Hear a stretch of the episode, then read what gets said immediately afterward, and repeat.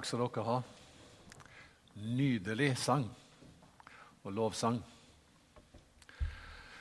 Flott å være i lag med dere. La meg si det først. Randes Randesund misjonsmenighet er en betydningsfull menighet i Misjonsforbundet. Dere har et uh, veldig flott lederskap, en flott stab.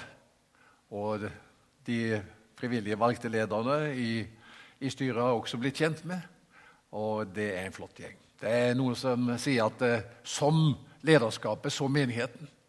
Så det, det, lover veldig godt. Og så får man også som menighet ofte ledere man har gjort seg fortjent til. Så det forteller veldig mye om dere, altså. Den flotte ledergruppa som dere har. Så er det da Misjonsforbundets dag, og temaet i år det er 'Med Guds hjelp kan vi gjøre det'. Og det vi tenker på, det er at eh, med Guds hjelp kan vi være dobbelt så mange i 2020 som vi var i 2010. Og Vi skal lese en tekst nå som, eh, som kan hjelpe oss litt på sporet av dette. Og eh, Det står i Markus 2. Og Jeg tror dere skal få teksten der har vi den allerede ja, på, på veggen nå. Så lurer jeg på om det er samme oversettelse, men det ser vi. Det er iallfall norsk. Noen dager senere kom Jesus igjen til Kapernaum, og det ble kjent at han var hjemme. Det samlet seg så mange at de ikke fikk plass, ikke engang utenfor døren. Mens han forkynte ordet for dem, kom de til ham med en som var lam. Det var fire mann som bar ham, men de kunne ikke komme fram til ham pga. trengselen. Derfor brøt de opp taket over stedet der han var, laget en åpning og firte ned båren som den lamme lå på. Da Jesus så deres tro, sa han til den lamme, 'Sønn, dine synder er tilgitt.' Nå satt det noen skriftlærde der og tenkte med seg selv. Hvordan kan han si slikt han spotter Gud? Hvem andre kan tilgi synder enn én? Det er Gud. Straks visste Jesus i sin ånd at de tenkte slik, og han sa til dem, Hvorfor går dere med slike tanker i hjertet? Hva er lettest å si til den lamme, dine synder er tilgitt, eller stå opp, ta båren din og gå? Men for at dere skal vite at menneskesønnen har makt på jorden til å tilgi synder. Og nå vender han seg til den lamme. Jeg sier deg, stå opp, ta båren din og gå hjem. Og mannen reiste seg, tok straks båren og gikk ut rett for øynene på dem, så alle ble ute av seg av undring. De priste Gud og sa, noe slikt har vi aldri sett. Amen. For noen år siden så var det en ungdomskonferanse i Oslo som eh, hadde det klingende navnet Change the World. Du vet, Skal det være schwung på det, så er det på engelsk man sier det. Det er klart. Change the world. Forandre verden. Og Det første som jeg tenkte når jeg må bekjenne det, det er nesten en synsbekjennelse, men det første jeg tenkte når jeg leste det, så tenkte jeg typisk unge mennesker. Skal de gjøre noe, så skal de liksom eh, ikke bare bety en forskjell i Oslo, men change the world, forandre verden. For det går jo ikke an å forandre verden. Eller? Lauren Cunningham, han som stiftet eh, og jeg vet ikke i hvor stor grad han fortsatt leder Youth with a Mission, Ungdom i oppdrag, han sa det en gang som jeg hørte. Vi tar unge mennesker, og så sender vi dem ut i verden for å forandre dem, før noen rekker å fortelle dem at det ikke går an. Og så gjør de det. Det er greia. Ofte så lar vi oss begrense av eh, eh, tankegang, og så er vi liksom eh, slått i utgangspunktet. Det nytter jo ikke. Verden er så stor, jeg er så liten. Det nytter ikke. Det er motløshetens tre trosartikler. Men i Misjonsforbundet så tror vi på sommerfugleffekten. Og det har du sikkert hørt om. Sommerfugleffekten det er en popularisering av noe som er en ganske sånn komplisert vitenskapelig eh, teori, som handler om forandringer et eller annet sted. Det kan ha uante konsekvenser et annet sted. Fordi som Gro Harlem Brundtland ble veldig kjent for ved en anledning, hun sa alt henger jo sammen med alt. Og eh, Hun ble litt mobbet for det, hvis dere husker det, men det er faktisk noe sant i det. Alt henger sammen med alt. Og vi tror altså på sommerfugleffekten. Dette at når en sommerfugl blafrer med vingene i Brasil, så kan det skape en orkan i Nordsjøen. Tror du på det? Ja, det gjør vi. Vi tror at det er små endringer et eller annet sted Det kan få uante konsekvenser. Små, eller store dører, mener jeg å si, kan åpne seg på små hengsler. Vi så jo et eksempel på det nå i uka som var. Eh, jeg vet ikke om du så Dagsrevyen i går, men de hadde fanget opp noe som var blitt en sånn en farsott på sosiale medier. Det var en kar, jeg tror han heter når man tenker om Viktor Helleren, tror jeg han heter. 87 år. Som tenker som så at nå skal jeg jammen ta oss og skrive et leserinnlegg i Vårt Land og fortelle hvordan det er å bli gammel. Leste du det? Når jeg hadde lest det, så tenkte jeg dette var helt fantastisk. Men det var jeg ikke alene om, så dette her ble veldig masse delt og spredd vet du, på Facebook osv. Og, så videre, og, og Dagsrevyen fanget det opp. Så i går kveld på Dagsrevyen, beste sendetid Hele Norge er benket foran TV-ruta. Altså. Jeg vet ikke, iallfall mange. Så får denne mannen som tror på Jesus, anledning til å forkynne evangeliet på en måte som bare gjør at det, liksom, det går eh, ilninger gjennom hele kroppen. For et utrolig fornøyelig leserinnlegg avsluttes på følgende måte og blir forkynt for hele Norge på Dagsrevyen. Der sier han Når jeg dør, skal jeg ikke kremeres. Mine barn og barnebarn skal bære kista og senke den ned i jorda. Kista skal være gul, for gult det er solens farge og påskens farge og oppstandelsens farge. Og et av innslagene i eh, eh, begravelsen skal være morgenstemning av Grieg. For når jeg dør, så går jeg fra livet gjennom døden og til livet. Fikk Viktor Helleren lov å si. Han tok pennen sin 87 år gammel og skriblet noe ned på en kladdebok. Og det var bare en sommerfugl som blafret med vingene der eh, hvor han bor. Og så ble det til en mediedekning eh, som han ikke hadde drømt om. Sånn er det når vi får lov å eh, tjene sammen med Gud. Med Guds hjelp kan du bety en forskjell. Change the world. Hvordan gjør vi det? Jeg har en nevø på Filippinene. Han er jo blitt ganske kjent, faktisk. Han var mye mer kjent enn jeg noen gang kom til å bli, hvis det var viktig. da. Det, det synes jeg ikke er så viktig lenger, for så vidt. Men han heter Erlend. Det var mange som så ham på Dagsrevyen nå, når han er oppe på taket på dette barnehjemmet for denne svære hva heter det, tyfonen, den største som noen gang har rammet land tordne innover Filippinene.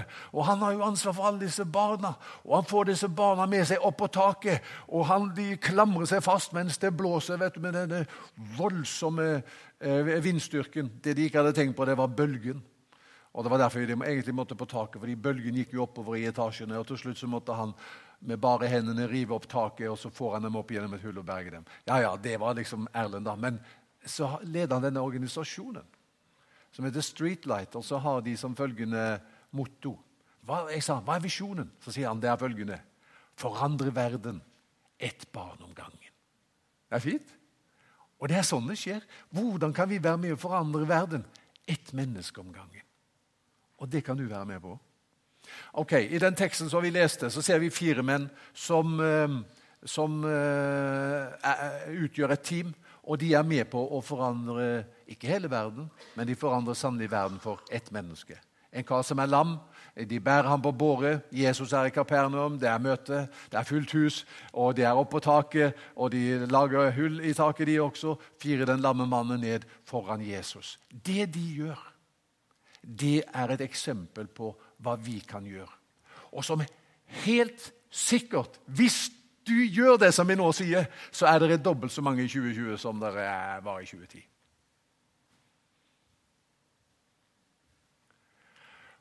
Det de gjorde, kan eh, ses på for det første som en bønnehandling. Fordi det de gjør, det er jo rett og slett De bringer en mann som er eh, lam, til Jesus. Og hele handlingen det er en bønn om at han må gripe inn. ikke sant? De fire han ned foran Jesu føtter. Jesus, grip inn. Det er bønn.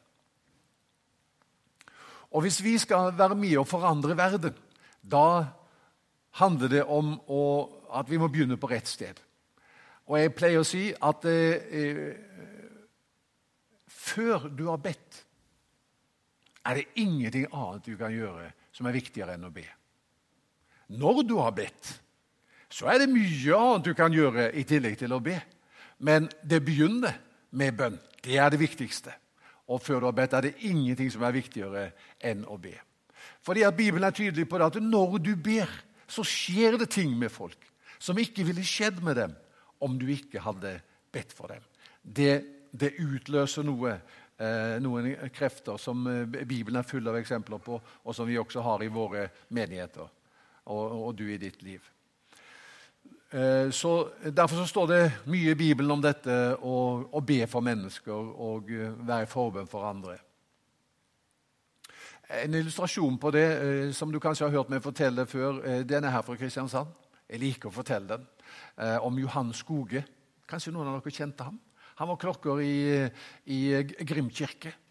Og han oppdaget noe. Han var et bønnemenneske. Og så hadde han et, en gruppe som de samles av og til til bønn. Og så sa han til dem en dag at dere, jeg har fått sånn, lagt på meg at vi skal be for denne familien slik og slik, at de må bli frelst. Er dere med på det? Ja det er klart. Det, de, de, dette var jo en bønnegruppe. Men han sa jeg har fått det for meg at vi skal ta det opp til et nytt nivå. Blir dere med oss og legge inn et ekstra gir i forbønn for denne familien? Ja, hva innebærer det? Jo, vi ber for dem tre ganger om dagen. Sånn. Men det behøver ikke være lange bønner. Det er bare sånne korte, konsise bønner. Jesus Frels dem! Det tar ikke lang tid, sa han. Nei, de var enige i det. Så de ble enige om tidspunkt. og husker ikke helt, La oss si det var åtte og tolv og seks. I alle fall var det morgen, middag og kveld. Så vi kan si åtte, tolv og seks. da. Så var det tre sånne tidspunkter hvor de ba for denne familien at de måtte bli frelst. Og det holdt de på med. De syntes det var gøy. Nå hadde de liksom lagt inn et ekstra gir, og vi skal be om at disse må komme til tro. Så når de hadde holdt på med det en stund, så sier Johan nå tror jeg sannelig at vi, eh, vi, er klar for fase to. Her skal vi ikke rett og slett nå ta oss og invitere dem på gudstjeneste. På form, søndag formiddag er det jo eh, familiegudstjeneste var det kanskje, og kirkekaffe og kanskje barneskoret skulle synge. Og, så det er veldig gunstig, eh, sier han Johan, eh, at vi inviterer dem da. Ja, Så han og en annen i bønnegruppa går ned, tar mot til seg, ringer på døra. De tar på seg det fineste smilet de kan få frem, uh, og sier at «Ja, 'Jeg heter Johan Skoge', sier han, 'og jeg kommer fra Grim menighet, hvor jeg er klokker.' Og så lurte vi på om det, dere hadde lyst uh, som familie å komme til gudstjeneste i Grim kirke på søndag. Så sier mannen, 'Må man vente helt til søndag før man kan bli frelst?' Og Johan han ble jo litt perpleks. Han hadde liksom ikke ventet den. Så han sa nei, det, det går an å bli frelst på, på en ukedag også. Helt avgjort. Ja, ja, du skjønner det, sa denne mannen. Her i huset så har vi i grunnen ikke hatt så mye tanke for Gud. Vi har hatt det så travelt.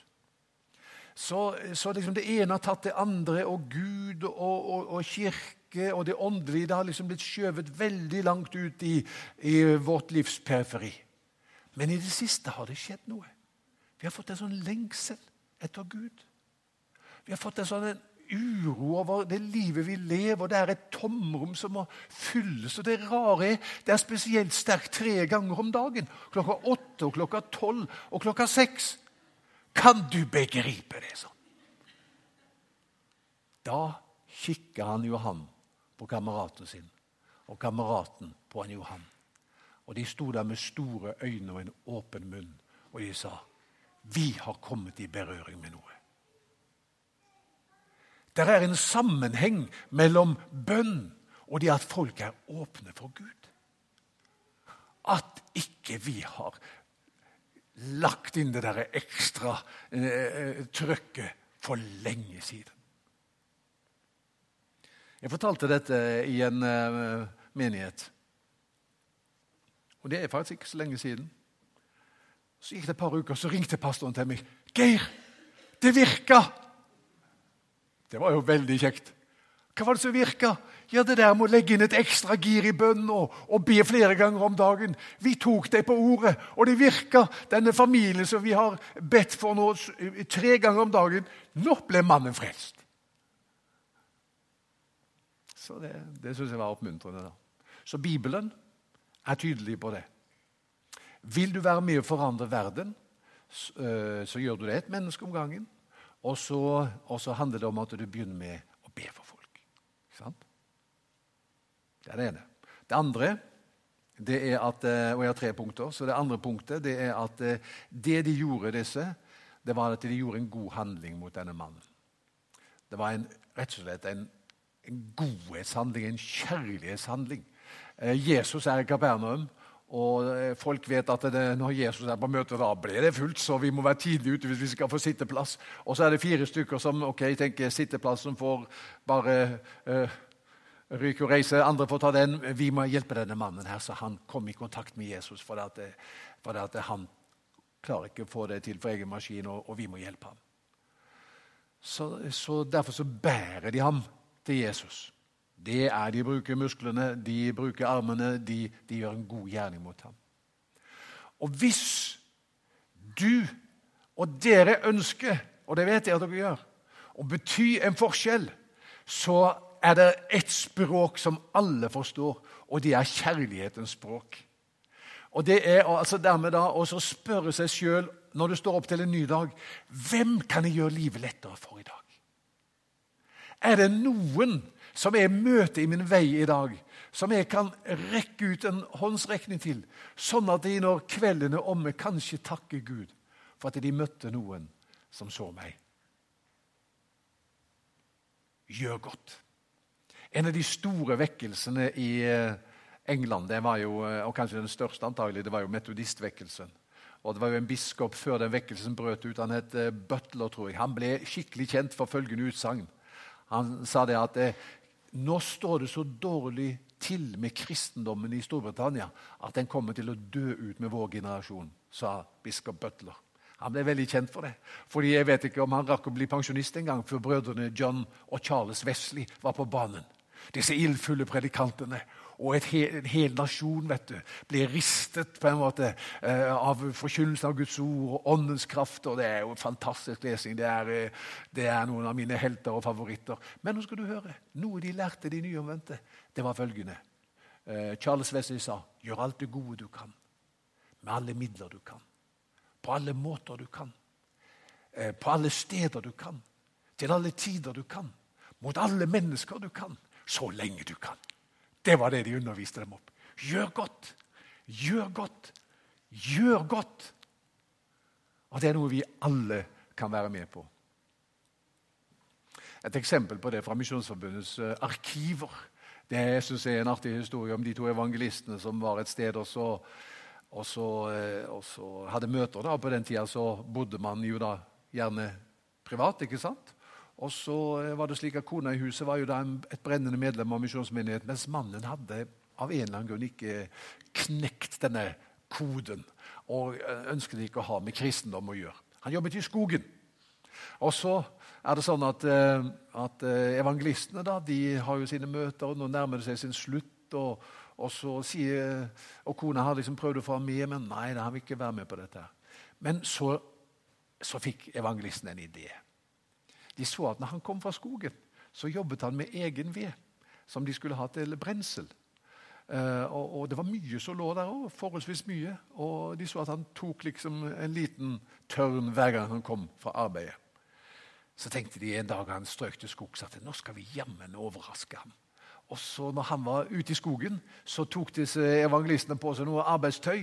Og så begynte de med, med eh, disse trestokkene som lå der. Og de kappet og kløyvde, og de stablet. Og de jobba hele dagen med dette. her. Og det, De, de, de syntes det var skikkelig moro. Og Det de var mest spent på, det var reaksjonen. Og når de var ferdige, hadde tatt alt sammen og linet opp langs husveggene til tørk, så, og de visste at nå kommer han ut av skogen, så fulgte de med spent på gardina. Dette var liksom belønningen. ikke sant? Nå tenkte Hva kommer han til å si? Jo da, der kommer han. Og Så ser de når han runder hjørnet der og kommer på gårdsplassen, så blir han stående helt urørlig. Lenge. Og bare stirre på det som var en jobb som var ferdig. Og når han kom inn, så er det så stilt ved middagsbordet. Og Så våger kona seg frempå og så sier hun at du, de er veldig gode å synge, disse evangelistene. Ja, han skulle kanskje ta seg en tur på møtet. Mener du det? Hadde du lyst til å komme på møtet? Ja, han skulle på møtet og høre disse evangelistene som var flinke å synge. Og når evangelisten etter å ha sunget og prekt og har innbydelse, sånn som det var vanlig før ikke sant? og vil du, til, vil du, ta imot Jesus velkommen frem og knel ved, ved de første benkene eller ved alterringen, eller hvordan det var Da reiser han seg, skogsarbeideren. Og de grove arbeidsnevene har litt problemer med å finne hverandre i, i en sånn foldet hender-bønn. Og så overgir han seg til Jesus. Og Grunnen til at jeg husker den historien, jeg, det er at evangelistene sa noe ganske eh, to the point etterpå. De sa når det gjaldt han mannen der, så måtte vi sage oss inn til hjertet hans. Det var bare én måte å få kontakt med hjertet hans på. Vi måtte bruke saga. Ja, Det hørtes litt voldsomt ut, men ikke sant? Og det er ikke annerledes i dag. Det er sånn det er godhet, det åpner dører. Og så er vi ikke gode mot folk for at de skal bli kristne. Det er ikke med den baktanken, for Gud har kalt oss til å gjøre godt uansett. Men så kan det hende at de vil bli kristne også, og det skader ikke. ikke sant? For, for det er det beste vi kan dele med. Nå går tida veldig fort. Eh, Malvin, rekker jeg et punkt til? Ok. Uh, og Det tredje punktet det er at uh, uh, altså Det første de ba for folk. Det andre det var at de ba for denne mannen, det var at de gjorde godt mot ham. ikke sant? Det var det andre. Det tredje det er jo helt åpenbart. Du behøver ikke være predikant engang for å liksom, tolke og forstå det. For det de gjorde Jeg skal bare ha med et lite eh, slurk av det vannet som man gjør noen meg.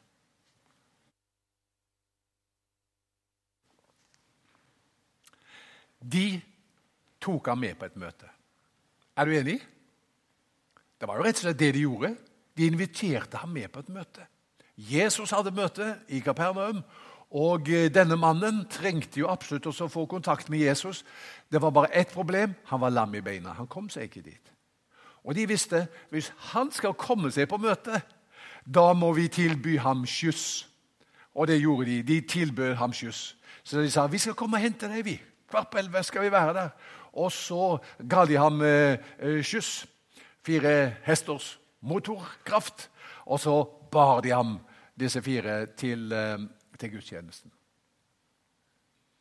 Det er gjort noen undersøkelser på det. Vet du det at eh, i Randesund Det er utrolig utbredt. Veldig mange som er lamme i beina. Visste du det? Kolossalt. Vi snakker om faktisk at den største delen av befolkningen de er lamme i beina på den måten at de kommer aldri til å komme på et eneste møte for egen maskin. Hvis de skal komme seg på møte, må de bli invitert og få tilbud om skyss. Og hvis de får det, så ville mange av dem komme. I Stavanger var det gjort en undersøkelse eh, på gata. Hvis du blir invitert på et kristent møte, ville du si ja eller nei? Og da var det, Jeg er ikke helt sikker, dette er noen år siden, men den gang var det fire av ti, 40% som sa jeg fikk en invitasjon, så vil jeg komme. Tenk på det. Kan vi bli dobbelt så mange i 2020 eh, på gudstjeneste som vi var på gudstjeneste i 2010? Klart vi kan det. Med Guds hjelp kan vi det når vi ber for folk, gjør godt mot folk og inviterer dem med på møtet. Hvorfor var de så ivrige etter å invitere ham med på møtet? da? Jo, for de visste det at eh, hvis han bare kommer på møtet, så får han det som han virkelig trenger. Og Det er jo fire stykker da som kikker spent ned i dette hullet som de har laget i taket. ikke sant? Når Jesus ligger der foran uh, denne, når, når, mannen ligger der foran Jesus, så, så følger de spent med. Hva skjer nå? Og så er det at uh, Jesus sier til ham, sønn, Dine synder er det tilgitt. Kanskje ble de skuffa. Vet du hva jeg har tenkt? Kanskje ble de skuffa. Ærlig talt. Jesus ser du ikke at han er lam i beina? Og så sier du dine synder er det tilgitt. Han trenger jo å bli frisk. Men når Jesus sier dette, så viser han at de første ting må komme først. Det er noe som er mye viktigere enn uh, hvilken tilstand beina dine er i. Og det er at du har fått syndenes forlatelse. Jesus sa jo et sted det er bedre å gå enøyd inn til livet enn å være frisk på begge øya og gå fortapt. Og det er bedre å gå halvt inn til livet enn å være frisk i begge beina og gå fortapt. Og Derfor sier han første ting først. Og når han ser denne mannen, og vi kunne sagt mye av det, men tida tillater meg det ikke, så sier han bare til ham dine synder er deg tilgitt. Det er det viktigste han trenger å høre. Hva er det viktigste befolkningen på Søm trenger å høre? Dine synder er deg tilgitt. De tror at kristendom handler om bud og krav, at du må ta deg sammen. Og kristendom kan ikke være for deg, for kristendom er for de som uh, har lykkes i livet, som har fått det til, og alt er på plass. Det er de det er for. Så hold deg langt unna menigheter. Og for er også de som går der, de er så vellykket. Og det er ett lem på kroppen til de som går der, som er mer utviklet enn noe annet. Og det er pekefingrene. Den er lang som et kosteskaft. Og det er liksom dette at vi ser deg når du har gjort noe galt. Det tror man. Og Derfor så liker vi i Misjonsforbundet denne menigheten i USA som har laget som et skilt. Eh, og, og, som en motto for menigheten. Og, og, det står over inngangen tror jeg, og i alle mulige sammenhenger i den kirka. No perfect people allowed. Adgang forbudt for fullkomne mennesker. Det er det vi må formidle. Hva er det sømsbefolkningen trenger å høre? Dine synder er deg tilgitt. Den Gud som vi tror på, det er en Gud som elsker syndere, og som vil gi dem syndenes forlatelse. Ikke sant? Trengte du å høre det? Plages du av skyld i formiddag? Er du skuffet over deg selv? Var det noe du ikke håndterte som du så gjerne skulle ha håndtert helt annerledes, og du anklager deg selv? Jeg har bare lyst til å si til deg at Gud har byttet side. Han er ikke på anklagernes side. Hvem vil anklage dem som, eh, som Gud har frikjent? Altså, Altså, Gud har frifunnet deg, og han er ikke på den siden. Døperen Johannes sier, 'Se, det er Guds lam som bærer verdens synd'. Og Med det så sier han han lot seg tynge ned under byrden av din synd. For at du skulle slippe å bære den byrden. Ikke sant? Så la deg ikke tynge ned av byrden av dine nederlag. Når Jesus som din stedfortreder lot seg tynge ned under den byrden og bar den på korset og betalte for den, og nå kan du reise deg og være fri i syndenes forlatelse.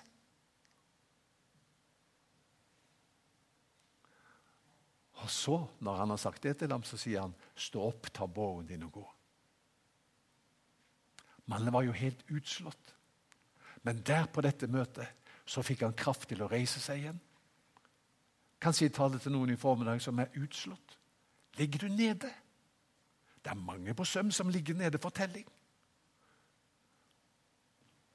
Men det finnes i Guds menighet krefter som kan reise deg opp igjen. Så du får livsmotet og håpet tilbake og troen på at du fortsatt har et liv og en framtid. La meg avslutte, og nå går jeg inn for landing med en som jeg kjenner, som eh, var en fenomenalt dyktig fisker i Nordsjøen.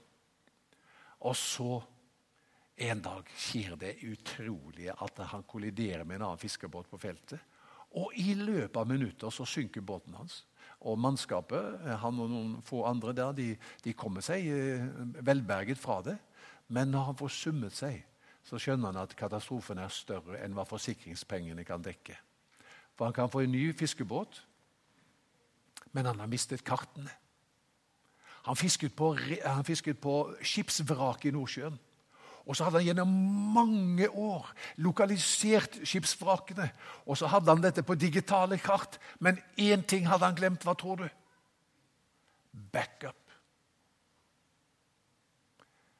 Så det var hele livsgrunnlaget som var tatt, eh, sparket under beina hans. på en måte. Og så er det at han eh, eh, da får seg ny fiskebåt, og så begynner han å fiske. Og så eh, får han ikke fisk. Dagene går, ukene går. Han finner jo ikke disse vrakene. Og så sier han Så var det en dag så bare kjente jeg nå Nå orker jeg ikke mer. Han synker sammen på gulvet i fiskebåten i eh, styrehuset der. Synker sammen og sier, 'Jesus, hjelp meg'. Han, I samme øyeblikk som jeg hadde sagt den bønnen, 'Jesus, hjelp meg', så dukker det opp en dansk fiskebåt ut av tåka. og Så kontakter han meg på radioen, og så sier han navnet hans. og så sier han, Neimen, Vi kan kalle han uh, Kåre, da. Neimen, Kåre, er du her? Hva gjør du her? Her er jo ingen vrak, her er jo ikke fisk. Jeg vet det, sier Kåre, som vi kaller han da. Men jeg har mistet alle de digitale kartene mine. Så sier denne dansken etter å ha summet seg om i eh, 10-15 sekunder. Men jeg har like lang erfaring på fiske her i Nordsjøen som du har. Og mine eh, digitale kart er intakte. Du skal få dem. Og det skal du huske på at Når en fisker gir fra seg sine digitale kart, det er verre enn for en predikant å gi fra seg prekenene sine. Det skjønner du. Det er noen kolossale greier. det. Og eh, Da forstår du det at det, det var altså det største en, eh, en eh, fisker kunne ta imot. Så han fikk disse kartene. Så jeg møtte han siden. Og Det går altså så godt for ham. Og Han sier det at jeg sender takken til ham som så meg da jeg lå på gulvet og var helt utslått. Jeg sender takken til ham. Så det er det. Forandre verden. Be for folk. Gjør godt mot folk. Ta deg med på møtet. For der lyder budskapet om syndenes forlatelse. Og der får du kraft til å komme deg på beina igjen når livet har sparket beina under deg. Herre, vi takker deg for eh, at eh, vi får lov å stå i dette, og at vi med din hjelp kan gjøre det. Amen.